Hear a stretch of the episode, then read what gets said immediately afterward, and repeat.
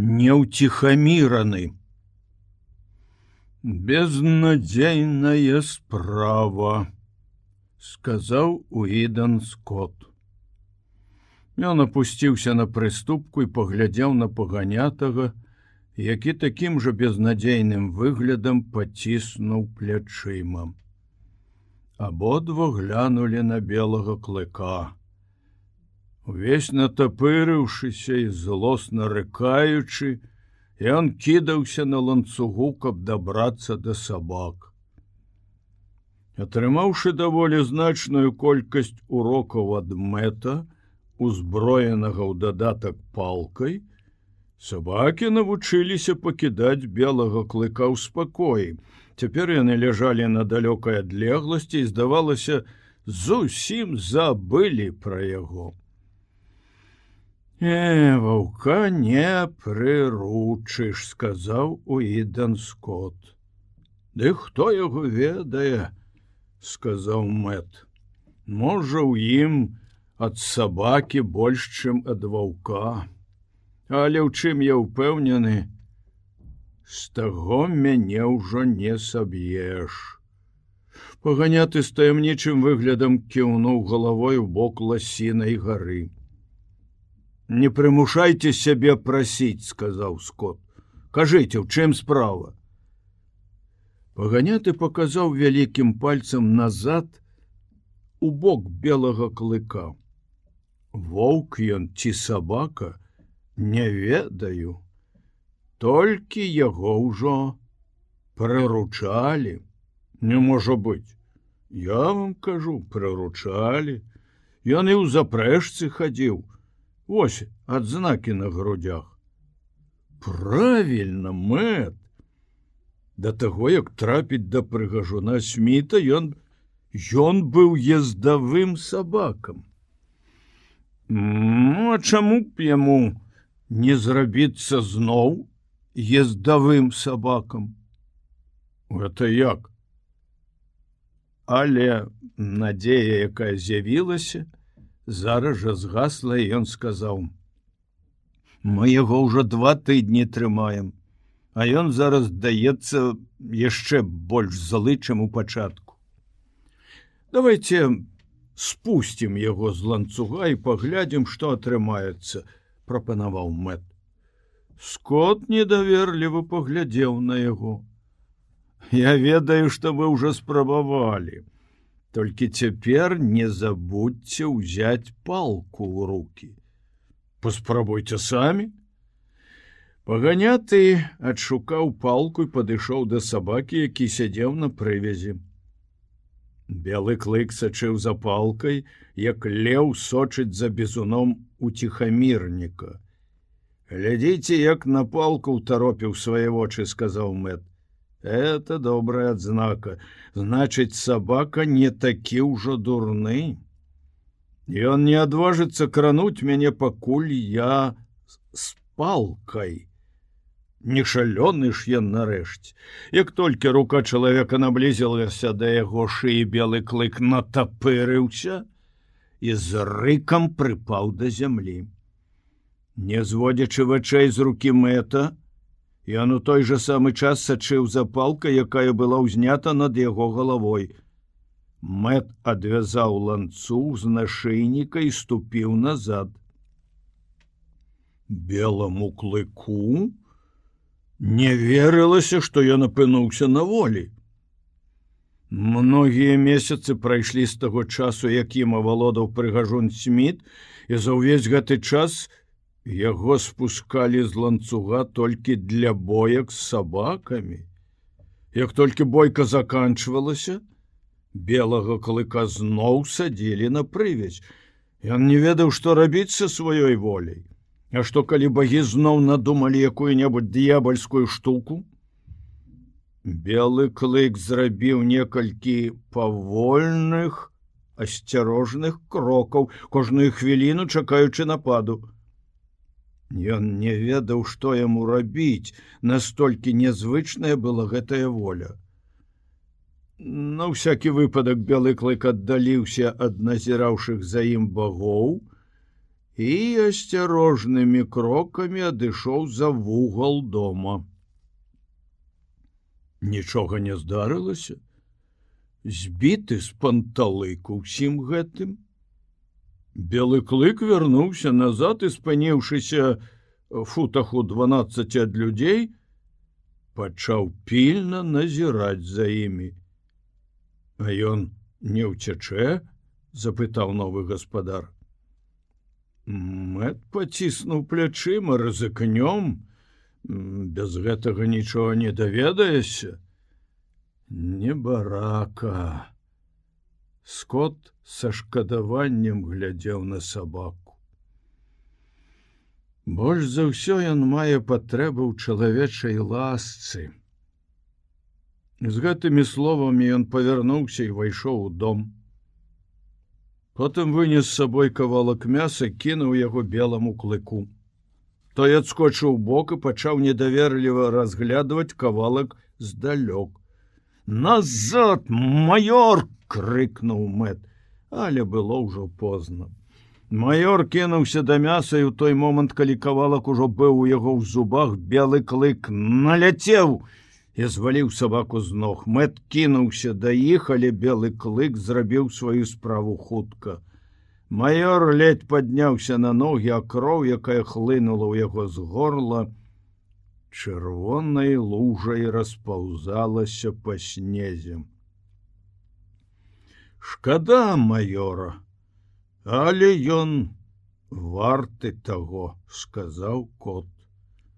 Мэт ужо падняў нагу каб ударыць белага клыка хутка, адно за адным адбыліся скачок лясканне зубоў і рэзкі выгук.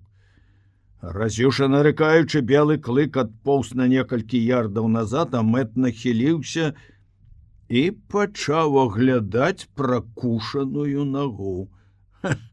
Цапнуў усё ж сказаў ён, паказваючы разарваныя штаны і споднюю бялізну, на якой расплывалася крывавая пляма.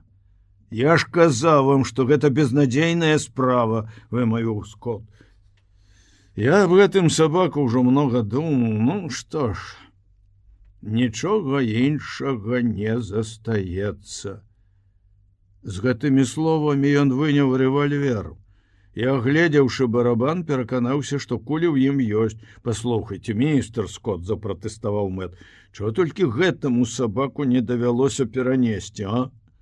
Ну нельга ж патрабаваць, каб ён адразу ператварыўся ў анёла дайте ему тэрмін поглядите на майора паганяты глянуў на скалечанага сабаку ён валяўся на снезе ў лужыне крыві і як відаць здыхаў. Ён варты таго. Вы ж самі так сказали мистер скотт. Паквапіўся на мяса белага клыка. Значыць спета яго песенька. Гэтага трэба было чакаць. Я і граша ломанага не дам за сабаку які аддасць свой кавалак без бою. Ну а вы самі мэт. Сабака сабакай але ўсяму павінна быць мера і мне по заслугах за што я яго ударыў вы ж самі сказалі што праўда на яго баку Значыць, мне не трэба было біць яго. Мы зробім добрую справу, застрэліўшы гэтага сабаку, настойваў скот. Нам яго не прыручыць. Паслухайте, містер Скот. Давайте праверым мне бараку, няхай пакажа сябе. Ён жа чорт ведае, што выцерпеў, перш чым апынуўся на волі. Давайте паспрабуем. А калі ён не апраўдае нашага даверу, я яго сам застрэлю. Ды мне зусім не хочацца яго забіваць. Скот схаваў рэвальвер. Ну, няхай пабегае на волі, паглядзім, што з ім можна добром зрабіць. Вось я зараз паспрабую. Ён падышоў да белага клыка і загаварыў з ім мяккім голасам. Возьмите палку на всякий выпадак папярэдзіў мэт. Скот адмоўна паківаў галавой, прадаўжаў гаварыць, стараючыся заваяваць давер'е белага клыка. Белы клык насцярожыўся, адчуваючы набліжэнне нейкай небяспекі. Ён забіў сабаку Бога, укусіў яго таварыша, Чаго ж можна чакаць за гэта апроч суровага пакарання. І ўсё ж ён не ўціхамірваўся перад тварам небяспекі. Поўсць на ім стала дыбарам, усё цело напружылася, Ён вышчарыў зубы і пільна сачыў за чалавекам. Падрыхтаваўся да нечаканасці у руках скота не было палки і белы клык подпусціў яго да сябе зусім блізка рука бога пачала опускацца над яго галавой белы клык скорчыўся прыпаў да зямлі.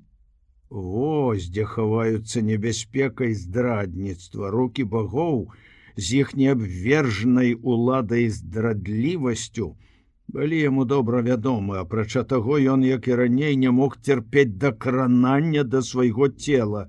Белы клык зарыкаў яшчэ больш злошна прыгнуўся да зямлі рука продолжала опускаться ён не хацеў кусаць гэтую руку і цярпліва зносіў усё до таго часу пакуль мог змагацца з інстынктам з ненасытнай прагнасцю жыцця. Іден Скотт быў упэўнены, што заўсёды паспее своечасова адхапіць руку. Але яму суджана было пазнаёміцца з надзвычайнай хуткасцю белага клыка, які наносіў удары з трапнасцю і імклівасцю змеі, раскруціўшай свае кольцы скот рэзка ўскрыкнуў ад нечаканасці схапіў пракушаную руку здаровай рукой.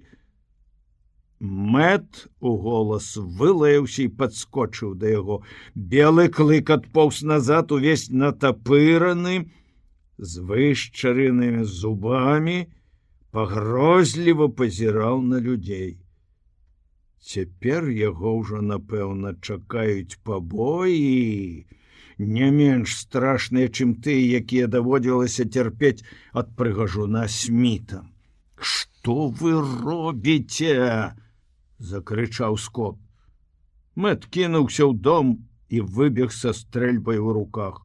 Нічога Ён стараўся гаварыць спакойна. Хачу толькі выканаць сваё абяцанне. Сказаў што застрэлю сабаку значыць застрэлю не вы гэтага не зробіце. Зраблю вось убачыце. Цяпер надышла чарга скота заступацца за белага клыка як заступаўся за яго раней укушаны ім мэт. Вы самі прапанавалі выпрабаваць яго. Дык выпрабуйте мы ж толькі пачалі. Нельга адразу кідаць справу. Я сам вінаваты і ну поглядзіце на яго. Выглядаючы з-за вугла дома ярдаў за сорок ад іх белы клык рыкаў з такой лютасцю ад якой стыла кроў жылых але рык гэты адносіўся не да скота а да паганятага. Ну что вы на гэта скажете Няхай я буду пракляты навеки вечныя здзівіўся паганяты. Бачыце які ён разумны. Спяшаючыся казаў далей скот ён не горш за нас з вами разумее что такое агнястрэльная зброя. Адразу відаць что сабака не дурны трэба толькі даць ему магчымасць выявіць свой розум. Пакіньце стрэльбу добра давайте паспрабуем мэт прыставіў стрэльбу да штабеля дроў Ну што вы на гэта скажаце, а? Белы клык супакоіўся, пакінуў бурчаць. Варта яшчэ раз паспрабаваць, сачыце за ім. Мэт узяў стрэльбу, і белы клык зноў зарыкаў. Мэт адышоў ад стрэльбы, Вышчараная пашча белого клыка зноў закрылася. Ну, яшчэ раз дзеля цікавасці. Мэт узяў стрэльбу і пачаў павольна паднімаць яе да пляча. Белы клык адразу ж зарыкаў, і рык яго рабіўся ўсё больш гучным памеры таго, як стрэльба падымалася ўгару, але секундай раней, чым мэт паспеў навесці дула, Белы клык скокнуў у бок і схаваўся за вуглом. Мэт утаропіў вочы на пустое месца, дзе толькі што стаяў сабака. Паганяты апусціў стрэльбу, павярнуўся і паглядзеў на гаспадара. Правільна, містер Скот. Сабака надта разумны. Шкада яго забіваць.